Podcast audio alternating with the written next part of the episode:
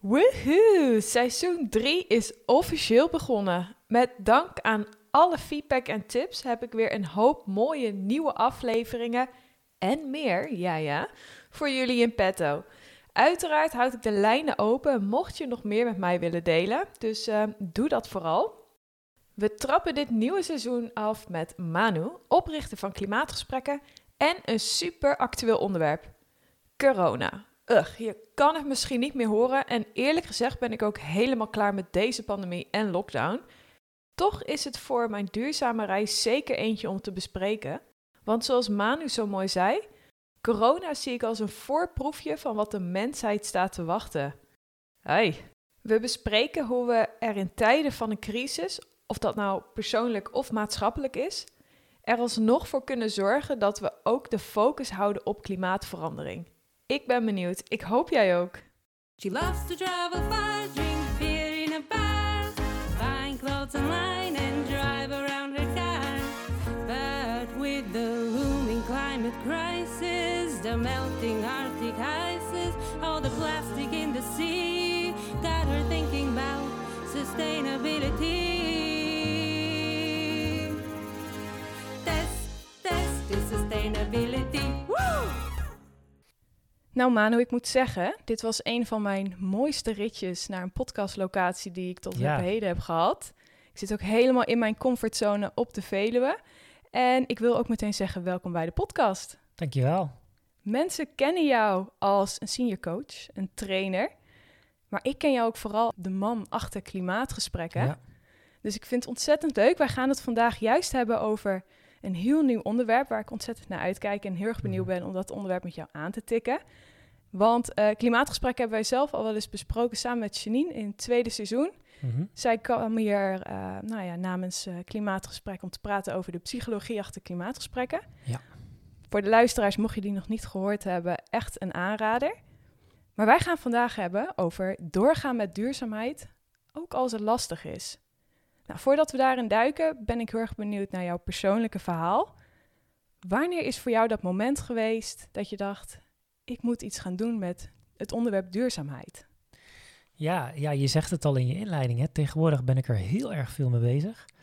Um, maar dat is, dat is niet zo begonnen. Of, of eigenlijk ook weer wel. De, ik ben vroeger uh, als kind ben ik, uh, opgegroeid in Zeeland. Nou, daar heb je iets minder bomen, ook nog heel veel ruimte en natuur. En ik had wel het geluk dat onze tuin, de tuin van mijn ouders, die kwam echt uit op een bos. Dus tot en met mijn twaalfde jaar heb ik zo'n beetje in de tuin en in het bos gezeten. Dus duurzaamheid, allereerst voor mij was gewoon een liefhebberij. Was gewoon bomen, natuur, geweldig. En vandaar dat ik ook nu weer terug naar de Veluwe ben verhuisd. En toen kwam er een tweede fase. En toen begon ik me een beetje zorgen te maken. Ik, hoorde iets over ozonlaag en over zure regen. Maar hij knalde pas echt bij mij naar binnen toen ik de Inconvenient Truth zag van Al Gore. De ongemakkelijke waarheid van klimaatverandering. Uh, toen kwam echt de tweede fase. Toen was ik bezorgd over duurzaamheid. En ja, dat was in 2006. Toen heb ik best wel lang rondgelopen met wat kan ik dan doen en hoe dan. En nou ja, daar heb ik verschillende dingen in, en, uitgeprobeerd. En ja, het kwartje viel eigenlijk heel erg goed op zijn plek. Ehm, en toen werd ik dus in actie uh, toen ik klimaatgesprekken ontdekte in het buitenland en uh, naar Nederland gehaald heb. Ja. Oké, want het was een bestaand concept in het buitenland. Ja, Carbon Conversations zit daarachter. Uh, dus het is ook prachtig om, om te zien dat zo'n zo'n workshop-methode, die was al bijgeslepen door, door honderden oud-deelnemers die elke keer weer aangaven van, hey, dit werkt voor mij of dit vind ik er leuk aan. En um, ja, dus ik heb ook heel veel gesprekken gevoerd met Engeland van, hoe doen jullie dit, hoe zit het in elkaar? En ja, en je had dus dat initiatief naar Nederland gehaald. Mhm. En hoe heb je dat verder in je persoonlijke dagelijkse leven? Hoe ben jij veranderd op gebied van duurzaamheid? Ja, dat is dan eigenlijk een soort van uh, bijzonder gegaan. Want ik heb zelf natuurlijk ook die workshopreeks dan als eerst begeleid. Maar eigenlijk zitten ze zo in elkaar dat je als klimaatcoach ook gewoon meepraat en meedoet. En, en, en uit elke groep die ik begeleide haalde ik ook ideeën. Dus als ik kijk wat ik nu doe en ook wat we als gezin doen, dan is dat dan is een wereld van verschil met hoe dat vijf jaar geleden was. Kan je een voorbeeld noemen? Wat is nou heel erg anders? Nou, um, de grote dingen bijvoorbeeld. Um, wij vliegen niet meer. Hè. Dus in het jaar dat ik Klimaatgesprek naar Nederland haalde, was eigenlijk de laatste keer ook dat wij gevlogen hebben. En dat was toen al bewust een soort van, nou ja, we weten niet of we dit nog vaker gaan doen. Of misschien is het wel een soort afscheidsvlucht. Um, ik ben sindsdien minder vlees gaan eten. Nou, tegenwoordig zegt iedereen minder vlees. Dat is, vorig jaar heb ik dat nog een standje concreter gemaakt. Ik nog één keer per week nog vlees of vis eten. En nou, steeds meer, ehm, ja, ik kan een talloze voorbeeld noemen, eigenlijk op alle terreinen. Ik heb uh, twee duurzame bankpasjes in mijn portemonnee zitten. Ehm, marktplaats uh, geef ik heel veel spullen weg die we ooit onnodig gekocht hadden of overhouden uh, of verkopen. Dus ja, ik, ik, een heleboel dingen. Ja. En zijn er nog dingen wat jij lastig vindt om te verduurzamen in je leven? Nou ja, dat vlees eten is nog wel lastig. In die zin dat ik probeer mezelf geen geweld aan te doen. Ik probeer het niet te forceren. Dus ik heb uh, nou, een soort combinatie van nog niet genoeg lekkere vegetarische gerechten. Ik heb er al zes op de zeven, zeg maar. Uh, plus dus ook nog af en toe die hang van, oh ja, dat vind ik wel zo'n lekker gerecht. Weet je, dat wil ik toch één keer in de zoveel tijd te kunnen eten. Um, dus die vind ik nog wel lastig. En, en denk wat voornamelijk nog lastig is, dat wij drie kinderen hebben. Ja, dan kom ik heel erg in dilemma van, ik wil hun natuurlijk gewoon een superleuke jeugd geven en, en ja, uh, blij, blij zien. En niet alle keuzes die hè, door vriendjes gemaakt worden of door uh, de sportvereniging gemaakt of zo zijn duurzaam. En dan kom je op zo'n punt als ouder van ja, ga ik dan zeggen nee, daar doe je niet aan mee of dat doen wij anders. Of zeggen van nou, tuurlijk, joh, even lekker mee uh, met, met hoe dat gaat. En uh, ja, dus dat is ook nogal een punt. Um, zijn zij daar zelf wel uh, mee bezig? Ja, dat begint echt te groeien. Um, uh, dat, zie je, daar zie je wel verschil in. Dus, we hebben een, een, de oudste van, van 11, een Jara van 9 en een jongetje van 7. Nou, Nathan, de jongste, is er nog niet zo mee bezig. Maar Jara bijvoorbeeld, die heeft al, uh, ja, die gaat binnenkort een spreekbeurt houden op school over milieuvervuiling en over mm. duurzaamheid. En dat hebben wij niet gezegd van, joh, doe het daar eens over. Zij hoort natuurlijk geluiden van ons en zij ziet ook wel dat ik ermee bezig ben. Dus dat is, kun je niet loszien van elkaar. Maar je ziet dat zij dat dan heel actief oppakt. En bij Chris is dat heel anders. Die, uh, die, uh, die, ja, die, die is daar zelf voor zijn eigen leven minder mee bezig. Ja. ja. Ja. ja. misschien in tijd. En we zitten nu midden in een coronacrisis, de lockdown. Ja. Heb jij gemerkt dat deze crisis impact heeft gehad op jouw manier van duurzaam leven? Ja, daar moest ik wel even over nadenken. En um, al, de eerste reactie is eigenlijk niet. En dat komt ook een beetje omdat ik al duurzaam leefde. Dus wat we bijvoorbeeld ook al gedaan hebben, is we zijn sinds uh, een klein jaar lid van Herenboeren. Dat betekent dat je met een aantal gezinnen een eigen stuk land hebt waar dan uh, op geboerd wordt. Dus toen de coronacrisis net uitbrak en de winkels leeg uh, dreigden te raken en hamster en zo, toen dacht ik al meteen van, nou, ik vind het ook wel prettig dat ik gewoon straks naar de herenboeren kan, ja. als, die, als die pleuris echt uitbreekt. En ja, uh, weinig reizen. Hè. Je moest veel vanuit huis werken. Ja, dat deed ik toch al. Ik werkte al digitaal voor een groot deel. Dat waren we ook gewend met klimaatgesprekken. Dus, dus de eerste reflectie, ja, corona, ik was als soort van crisisproef of zo. Um, als ik dan wat door ging denken, komen er nog wel twee dingen bij me op. Uh, ja, allereerst natuurlijk dat, dat een van de dingen waarom ik het leuk vind om met klimaatgesprekken bezig te zijn, met duurzaam bezig zijn, is ook dat ik steeds nieuwe mensen ontmoet, leuke mensen ontmoet. En, uh, en ik, ik, krijg ook een ontzettend uh, geïnspireerd en energized gevoel van als ik op een klimaatdemonstratie loop en ik zie dat duizenden anderen het ook belangrijk vinden. Ja, en dat ben ik wel gaan missen door corona. Het gevoel ja. van letterlijk, we doen het samen, we ontmoeten elkaar. Um, ja, dat is, dat is gewoon anders geworden en, en minder. En um, er is gelukkig wel iets tegenover uh, gekomen. Want wat ik ook gemerkt heb, is dat uh, ja, internationaal zijn steeds meer mensen achter dat beeldscherm gaan kruipen.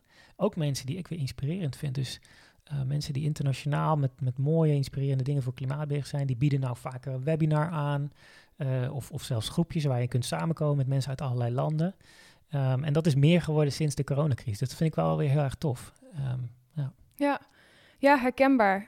Ook een beetje dat sociale aspect en van we zijn samen. Ik moet zeggen, ja. voor mij heeft het het grote voordeel dat ik net zoals nu gewoon op bezoek kan gaan bij inspirerende mensen. Maar ja. dat ook natuurlijk met een afstand en kleine mate. Wat voor mij juist heel erg een, een eye-opener was. Ik, ik reisde nou ja, van elke dag, vijf dagen in de week op en neer naar Amsterdam. Ja. S ochtends vroeg vertrok ik. Ik kwam laat weer terug, terwijl ik op de Veluwe woon. En mm. nu kan ik pas echt maximaal genieten van de natuur. Ik heb het gevoel dat veel meer mensen naar de natuur zijn gegaan ja. en die connectie voelen. Net zoals, nou ja. Ja, daar zeg je wel wat. Want dat heb ik ook gemerkt. Maar ik denk soms ook wel eens, wat is het druk geworden in mijn park? Ja, Dus, ja precies. ja, ik liep daar vaak al. En, en nu loop ik daar wat vaker ook met coachklanten. hè. Dus dan een afspreken in een, in een park is dan soms meer coronaproof. Maar dan denk ik van, oh, wel een drukte. Dus, dus ik hoop ehm, niet dat die mensen weggaan, maar dat er gewoon meer natuur bij komt in Nederland. Ik hoop dat de verkiezingen daar nog wat in gaan brengen. Dat we eigenlijk met z'n allen zijn gaan realiseren van... Ja, natuur is toch wel heel fijn. Hè? Dat, dat- zelfs als er heel veel dingen misgaan, hebben we altijd dat nog. ja. Eh, ja. Dus Ja, ik hoop koesteren. het ook. Ja, en als deze aflevering live komt, dan zijn de verkiezingen net geweest. Ah, Dus ik hoop dat we dan eh, Ja. een hele mooie uitslag krijgen. Want, ja, ja, En coalitie, hè, dat zal daarna nog plaatsvinden. ja, precies. Zo is dat. Nou, in deze aflevering gaan wij het, ehm, het hebben, want we hebben het nu over corona. Van ja, hoe gaan wij nou ervoor zorgen dat duurzaamheid niet op de achtergrond raakt, ook al raken we in een crisis? En dat gaan we doen door te kijken naar op groter vlak op maatschappelijke crisis. Maar ja, we Mhm. hebben natuurlijk af en toe ook te maken met een persoonlijke crisis. Ehm, laten we als eerste eens beginnen met de maatschappelijke crisis. Dus we zitten dus nu midden in een crisis, midden in een lockdown. Ja. Mensen maken zich zorgen over eh, corona, wat als een lopend vuurtje door Nederland verspreidt. Waarom zouden we juist nu ook nog zorgen moeten maken over klimaatverandering? Ja. Ehm, ja, waarom? Dat, ik denk dat iedereen die zich verdiept heeft in de duurzaamheidscrisis, hè, dat, dat, dat het waarom wel, wel duidelijk is. En de vraag is alleen van, lukt het ons ook? Hè? Eh, want dat zie je natuurlijk ook nu met corona. Ja, we weten wel waarom we het zouden moeten doen. Er is een heel kleine groep die daar niet in gelooft, maar het merendeel weet het. Maar toch, het is lastig om vol te houden. Dus, dus hoe doe je dat dan? En ehm, ja, dat vind ik ook wel lastig, want ehm, ja, het is ook de eerste keer dat we collectief hierin terecht zijn gekomen, zeg maar, dat het zo voelbaar is. Dus ik heb daarover nagedacht en toen dacht ik van ja, maar volgens mij is het ook gewoon lastig. Volgens mij is het ook ingewikkeld. En wat helpt dan als samenleving als dingen heel ingewikkeld zijn? Nou, dan volgens mij wat dan helpt is dat je ook de deskundigen erbij betrekt. Hè? Dus, dus jij weet veel van podcast maken, ik weet weer wat van psychologie. eh, de volgende weet weer wat van virussen. En dus ja, wat we volgens mij nodig hebben als samenleving, dat we dat ook respecteren. En dat ik niet iets ga vinden over, zou je die podcast eens niet eens anders moeten maken? En, en jij, eh, nou ja, psychologie van de koude grond bedrijven. Of... Dus als samenleving is het belangrijk, denk ik, om ehm, ja, de instituties die we hebben, en dan begin ik toch even bij de wetenschap. eh, en misschien daarna ook wel de rechtsstaat. Hè? Dus, dus oké, er is eh, langer nagedacht over wetten, de- daar is eh, ervaring mee opgedaan en, en rechters toetsen dat. Nou, wat zien we bij de stikstofcrisis? Ook in corona ligt er gewoon een veroordeling van de rechter hè, van het beleid wat nu eh, plaatsvindt, is schiettekort. Eigenlijk heb je dat ook met de klimaatdoelstellingen. Dus, dus we hebben nodig om ja, dat corona niet zomaar klimaat aan de kant kan duwen, dat we de instituties respecteren. En daar hoort denk ik ook wel bij dat het gaat natuurlijk niet alleen over wetenschap, het gaat ook over waarden. Wat vinden we nou belangrijk? En dat zie je ook in coronatijd weer heel erg nu naar voren komen van is het, eh, ja, het voorkomen van slachtoffers, weegt dat op tegen het creëren van slachtoffers op een andere manier. Economische slachtoffers, psychische stress ehm, enzovoort.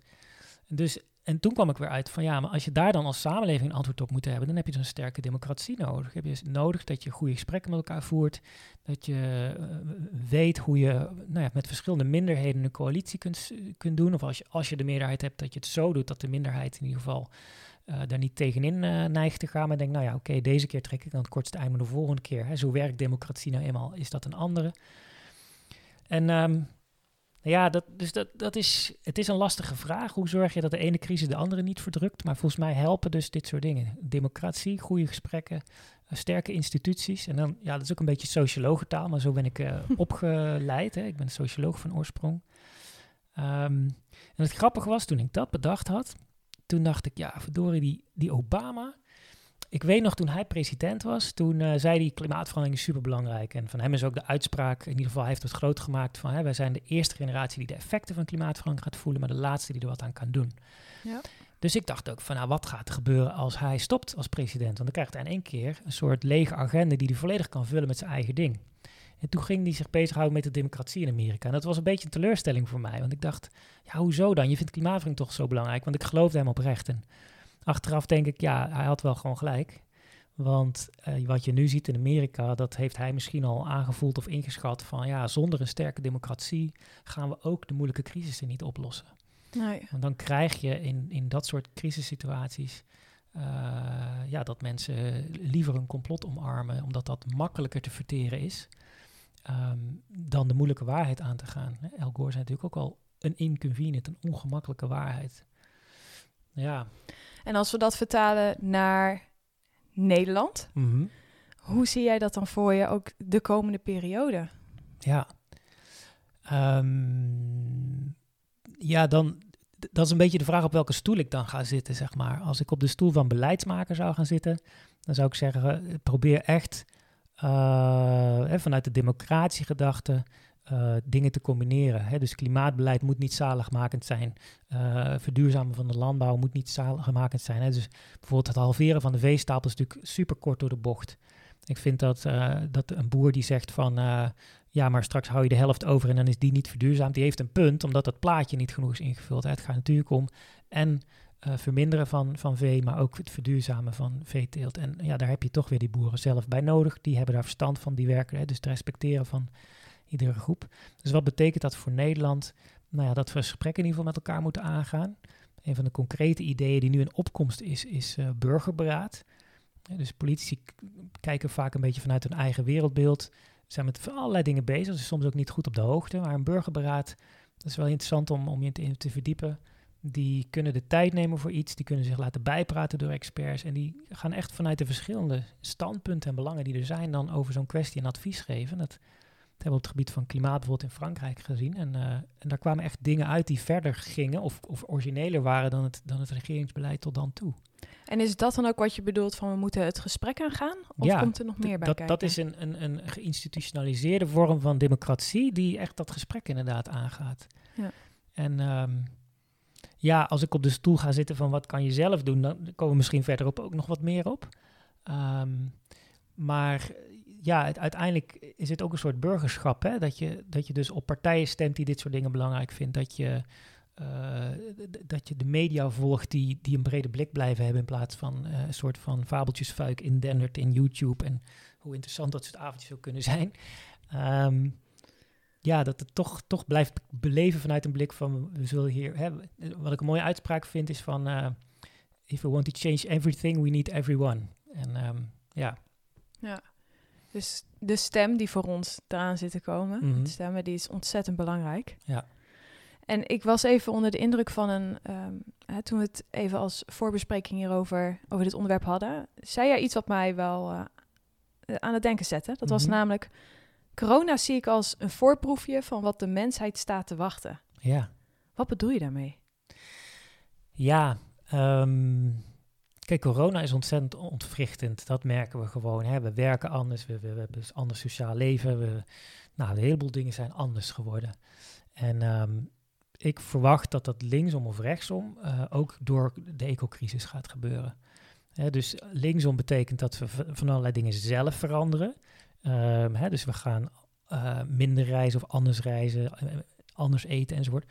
En, eh, en als we dat niet doen, ja, dan gaat de wal het schip keren. Dan gaat de, de, bijvoorbeeld de klimaatontwrichting, hè, als die echt richting de 3, 3,5 graden gaat, gaat enorme eh, sta- instabiliteit geven voor, voor voedselvoorziening. Nou, dat betekent dat je letterlijk inderdaad eh, een week in de supermarkt komt en denkt van, huh, maar deze was vorige week nog 2 euro en nou 4 euro. En je af gaat vragen van, maar leren ze de volgende week dan nog wel?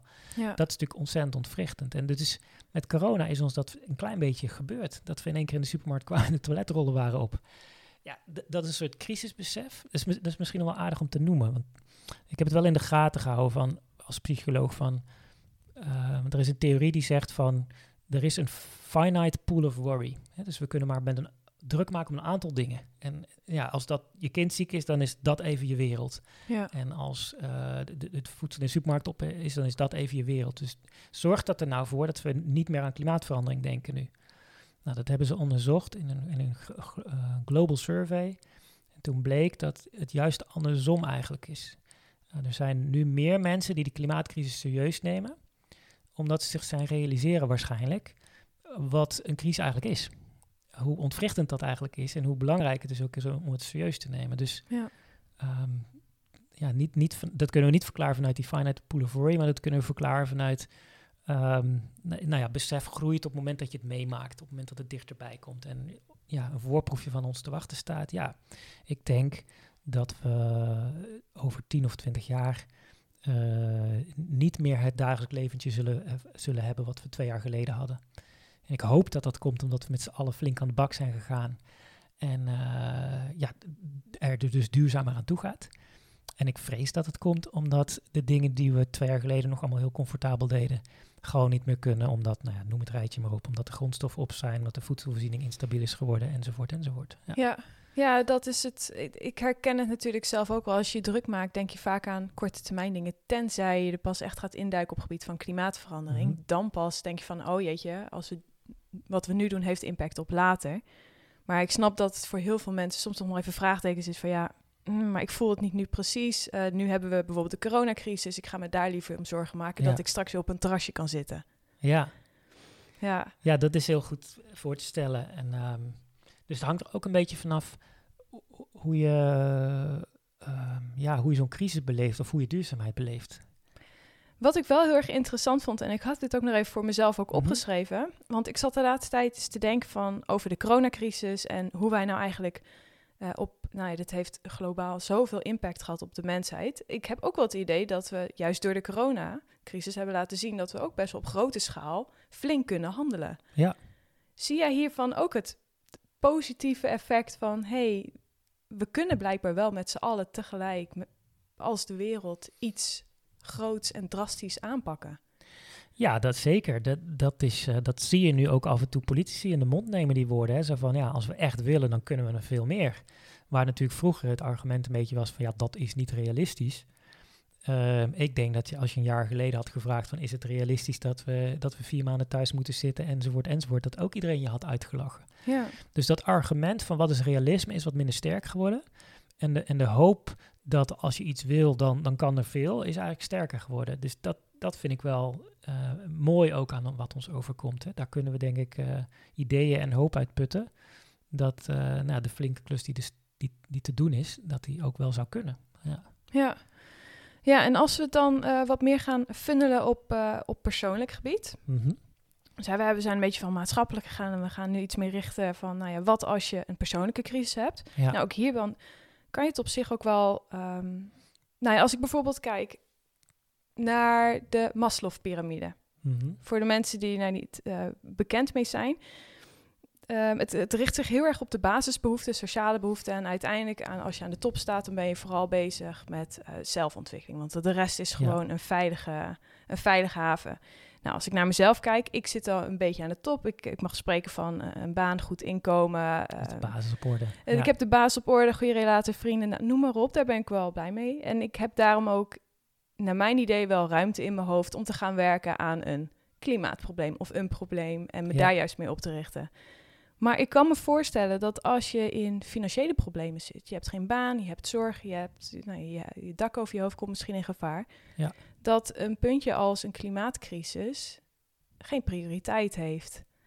Ja, dat, dat zeggen ze ook wel eens. Hè? Zo van nou, er zijn mensen die zich meer zorgen maken om het einde van de maand dan om het einde van de wereld. En, uh, en dat is maar deels waar. Um, ik, heb, ik, heb, ik heb een keer een project gedaan vanuit klimaatgesprekken samen met uh, Overmorgen. Um, waarbij wij een heleboel partijen ook uitnodigden. En onder andere de, de bewonersvereniging was daarbij aanwezig. En, en die hadden zoiets van, ja, natuurlijk moet dit. Het is niet zo dat mensen die in armoede leven of mensen die minder middelen hebben of wat dan ook, dat ze, hier, dat ze dit niet zouden willen. Maar de vraag is natuurlijk, kunnen ze het? Hè? En hebben ze de, de, de gedachtenruimte daarvoor over? Ja, en ik denk dat dat, dat, dat deels ook iets is wat je... Um, wat als, als persoon zelf, hè, kun je daarover nadenken of, of um, als jij in een crisis belandt, wat je daarmee doet. Er zijn een paar dingen in. Um, allereerst, kijk, qua duurzaamheid, we zijn niet in ons eentje de oorzaak van dit probleem. Dus we moeten misschien ook niet van onszelf verwachten dat je in je eentje de oplossing bent. Op het moment dat iemand het heel even zwaar heeft, vanwege verlies van een baan of, of een, een ziekte of zo, zullen we die persoon dan gewoon helpen. ja, dus Um, het omgaan met een crisis vind ik niet een individuele opdracht. Zeker niet als de crisis eigenlijk ons allemaal overkomt en ons allemaal druk oplegt. Um, en daar kan je ook, daar kan je als maatschappij iets van vinden, maar daar kan je ook voor jezelf uh, in nagaan van hoe, hoe goed ben ik eigenlijk voorbereid op een crisis. Jij zegt uh, heel fijn ook van, nou, ik heb een baan en ik heb vrienden en zo. Dat is eigenlijk een soort vangnet ook wat je hebt. Op het moment dat een van die dingen tegenvalt, dan kan je toch terugvallen op iets anders. Hè. Stel je die baan valt tegen, nou, dan kan je misschien eh, toch nog verder, omdat je gewoon in huis woont met je vriend. Of, Ja. Ehm, dus je, je, je hebt iets van een vangnet en ehm, dat zie je ook bij de burn-out coaching die je doet. Pas als twee of drie pijlers omvallen, dan krijg je echt een crisis. En als er eentje omvalt en de andere pijlers zijn sterk, dan kan je daarmee omgaan. Dus ehm, voor een deel is dat ook, ook voor jezelf checken van, ja, heb ik een vangnet om me heen? Eh, of, of moet ik daar naartoe werken voor het geval dat de crisis eh, zou kunnen gebeuren? Ehm, dan kan je aan hele praktische dingen denken als een verzekering, maar kun je ook aan, aan gewoon emotionele dingen denken van, ja, bij wie kan ik terecht, bij wie kan ik uithuilen, wie kan ik om hulp vragen? Ehm, dus dat, ja, dat maakt hem zeg maar nog meer makkelijk om te nadenken van oké, wat doe ik daarin? Ehm, maar ik wil er nog iets bij zeggen wel, want ehm, het is niet een sprint die we hier te leggen hebben met elkaar. Dus, en een leven gaat ook niet altijd over rozen. Dus je, het, het is ook fijn om gewoon aan zelfzorg te kunnen doen en zelfcompassie te doen. Hè. Dus de, de aarde draait ook echt wel verder zonder dat jij je forceert in allerlei bochten draait op het moment dat het zwaar is. Op het moment dat jij je baan verloren hebt en nog 70 miljoen andere Nederlanders niet, dan zou ik zeggen, het is even niet jouw beurt. Ja. Hè, dus, dus wees ook lief voor jezelf. Want als je het als een sprint benadert, dan zou je misschien op dat moment zeggen: Ja, maar ik moet toch naar die klimaatdemonstratie. Of ik moet toch vandaag niks nieuws kopen of wat dan ook. Ja, weet je, daarmee ga je jezelf uitputten. En dan verliest de wereld een, een, een, een duurzame doener. De, hè? Dus of nou ja, dan word je er zelf minder blij van of minder aanstekelijk weer voor anderen. Ehm, dus die wil ik ook wel meegeven. Ja, hoe kun je ermee omgaan? Ja, het is, misschien is het ook goed om soms te zeggen: Ja, nu even niet. ja. Want het hangt niet van jou alleen af. En mag ik dan een kritische vraag stellen? Altijd. Wat als ehm, mensen dit... ehm, ik kan me heel erg voorstellen dat dit dan ook als een excuus kan gebruikt worden om te Hmm. zeggen van ik ga, ja, waarom zou ik? eh, Ja, Het kan ook zonder mij. Ehm, maar wat als iedereen die gedachte dan doet, dan zitten we eigenlijk weer met het punt, dan wordt er niks gedaan als niemand die verantwoording neemt. Ja, dat is zeker waar. Hè? Dus in de psychologie ehm, is bekend dat we de toekomst altijd eh, zonniger in, inzien dan, dan het heden. Hè? Dus we denken altijd van oh, over een maand, want dan heb ik tijd. En dan heb je nooit tijd natuurlijk, want dan loopt het ook weer vol met dingen. Ik zie je een beetje lachen van herkenning. ja, of, ja, eh, zeker, zeker. ja. Dus ehm, nou, het helpt wel om, om die, dat soort dingen ook jezelf een beetje erop te betrappen.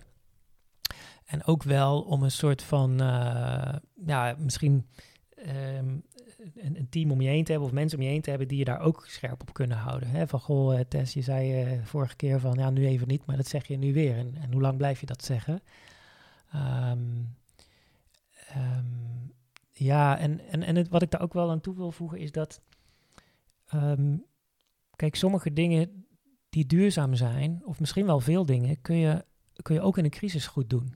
Wat ik zo mooi vind aan de coronacrisis, is dat je ziet dat mensen bijvoorbeeld eh, boodschappen gaan halen voor iemand anders die in quarantaine zit. Of zeggen van, oh, je mag mijn auto wel eh, lenen. Ehm, ja, we, we, we kijken wat meer naar elkaar om of we helpen een keer wat makkelijker. En, eh, en dat zijn eigenlijk ook dingen die tot duurzaamheid kunnen leiden. Als jij groenten in je tuin wil kweken en, en je geeft dat weg aan iemand anders, omdat de winkels leeg zijn nu, ja, dat zou ook kunnen zijn dat je dat doet vanuit duurzaamheid. Ja. Of je zou ook kunnen eh, ja, gaan wandelen met iemand wat nu nog steeds kan. Eh, maar dat is ook weer duurzamer dan ja, eh, samen gaan, gaan karten met, met benzine in de karts of zo. Je hebt ook e-karts tegenwoordig. Maar, dus, dus volgens mij is het ook, ook wel mogelijk om naar combinaties te zoeken. En het is ook een soort state of mind van wie wil je zijn in een crisis? Wil je dan eh, de hamsteraar zijn die zich terugtrekt in zijn eigen wereld en die zich bang maakt en die hoopt dat het voorbij waait of die kop in het stand steekt? Of wil je diegene zijn die, die juist uitreikt, mensen gaat helpen en op zoek gaat naar oplossingen? Ja. Ehm, en hoe moeilijk dat ook is, ehm, juist het kan wel eh, motivatie en inspiratie geven, een verbinding geven die je ook weer uit de crisis helpt. Dus ehm, ja, Ja, en eh, als ik het een keer goed had gelezen, dat maakt ook dat gelukshormoon aan, toch? Elkaar de- helpen. De, en, eh, de, hoe heet het nou? De givers high of zo? Of de helpers, helpers high, zo heet het. ja, in ieder geval een goede high. Ja. ja. we vliegen echt al. Ik denk, ik zou nog uren met je kunnen praten over dit onderwerp, maar we, we vliegen er echt doorheen. ja. Ehm, voordat we ook over de challenge gaan praten, ik wil nog wel even met je praten over een nieuw initiatief waar je mee bezig bent, namelijk de Deep Change Maker Circle. Zeg Yes. ik dat zo goed? Helemaal goed. Kan je me er iets over vertellen? Wat houdt het in? Ja, dat is een, ehm, daar ben ik opgestart uh, vanuit de, eigenlijk de waarneming van, joh, ik praat met een heleboel duurzame doeners en die zijn fantastische dingen aan het doen. En als je dan door met praat met ze, dan zeggen ze vaak van, ja, maar ik doe dit nu in mijn rol als uh, netbeheerder bij Alliander, of ik doe dit nu in mijn rol als sustainability manager bij de Aldi of wat dan ook. Maar eigenlijk zou het sneller moeten gaan. Eigenlijk zouden we meer moeten doen. Hè? Dus dat, dat woordje eigenlijk, dat fascineerde me enorm. En denk, ja, mm. waarom doe je het niet gewoon? En dan wordt de coach in mij wakker. En ook een beetje de business coach in me wakker van, er zijn mogelijkheden. En dus ik breng mensen bij elkaar, duurzame doeners bij elkaar, die hun impact willen vergroten. En uh, op een manier die bij hen past. En um, ja, dat is, dat is eigenlijk wat we doen. En wat ik heb ontdekt is dat, dat het ook, ook voor die groep heel interessant kan zijn om nog eens wat dieper in te duiken op wat is nou deep change. Dus hoe vinden diepgaande veranderingen plaats? Hoe kijken daar tegenaan? En ook wat is de deep change maker mindset? En voor een deel is dat in deze podcast ook langsgekomen. Hè? Dus wij zeggen bijvoorbeeld van uh, heb een team om je heen, want je hoeft het niet in je eentje te doen. Dan wordt je impact groter, je wordt crisisbestendiger. Um, uh, dus er zit ook een soort mindset in van hè, wat kun je leren van tegenslag in plaats van bij de pakken neer gaan zitten of, of er niet, zelfs niet aan beginnen omdat het tegen zou kunnen vallen. Ik ga ervan uit dat de mensen die de meeste impact maken, mensen zijn die door kunnen gaan als het moeilijk wordt. Ehm, die creatief worden als het moeilijk wordt. Die uh, elkaar gaan helpen of hulp hebben uh, als het moeilijk wordt. Dus ja. dat past een beetje in het thema van deze podcast, uh, besef ik me nu net. Um, dus ja, het is gewoon ontzettend leuk. Want wel, ja, wat we ook letterlijk doen, is natuurlijk mensen bij elkaar brengen die ook elkaar nog eens kunnen opbellen of, of een tip kunnen geven. En, uh, ja. ja, heel mooi. En is het, uh, is het voor iedereen? Iedereen die zichzelf ziet als een changemaker of zijn er bepaalde criteria? Um, ik vind het altijd wel prettig om een gesprekje vooraf te hebben. Om te, een beetje te weten van wat heb je al gedaan, waar wil je heen, uh, hè, past het programma goed bij je. Maar het is wel heel breed. Dus, dus van ZZP'er tot beleidsambtenaar, tot directeur, tot NGO. Ja, ik heb heel veel verschillende mensen al gezien. Dus ik, ik begon met change leadership, maar niet iedereen herkende zich in, in leiderschap. Um, maar ja, als jij het gevoel hebt van ik draag bij aan verandering, aan duurzame verandering, en ik zou willen dat dat meer wordt, dan, dan past de cirkels denk ik wel bij jou. 99 van 100 gevallen. Ja. En aanmelden kan via website? Ja, denk, via mijn website ondersteun uh, en dan Deep Change. Ja. Helemaal goed, ik deel het linkje even met ja. iedereen. Um, en daarmee eindigen we al uh, de podcastaflevering. Oh, dus, uh, dat voorbij. Dat gaat snel, hè? Nou, ik vat dat als compliment. um, de challenge. Ik ben heel erg benieuwd wat jij hebt bedacht voor mij en de luisteraars. En ik kan me voorstellen dat het best wel een uitdagende opdracht aan jou was om met een challenge te komen. Dus ik ja. ben heel erg benieuwd wat, wat je hebt bedacht. Ja, ik heb eigenlijk twee uitdagingen. De ene hoort ook een beetje bij via krachtig zijn in crisis. Die zal ik nog een beetje toelichten. Maar de eerste hebben we het een beetje wel over gehad. De eerste uitdaging is namelijk: um, uh, zorg dat je een crisisteam om je heen hebt. Uh, je zou het ook kunnen zeggen: zorg, weet wie jouw positieve groene stokken achter de deur zijn. Dus wie gaan jou helpen uh, om je scherp te houden, om je, om je te helpen op het moment dat het misschien tegen zit.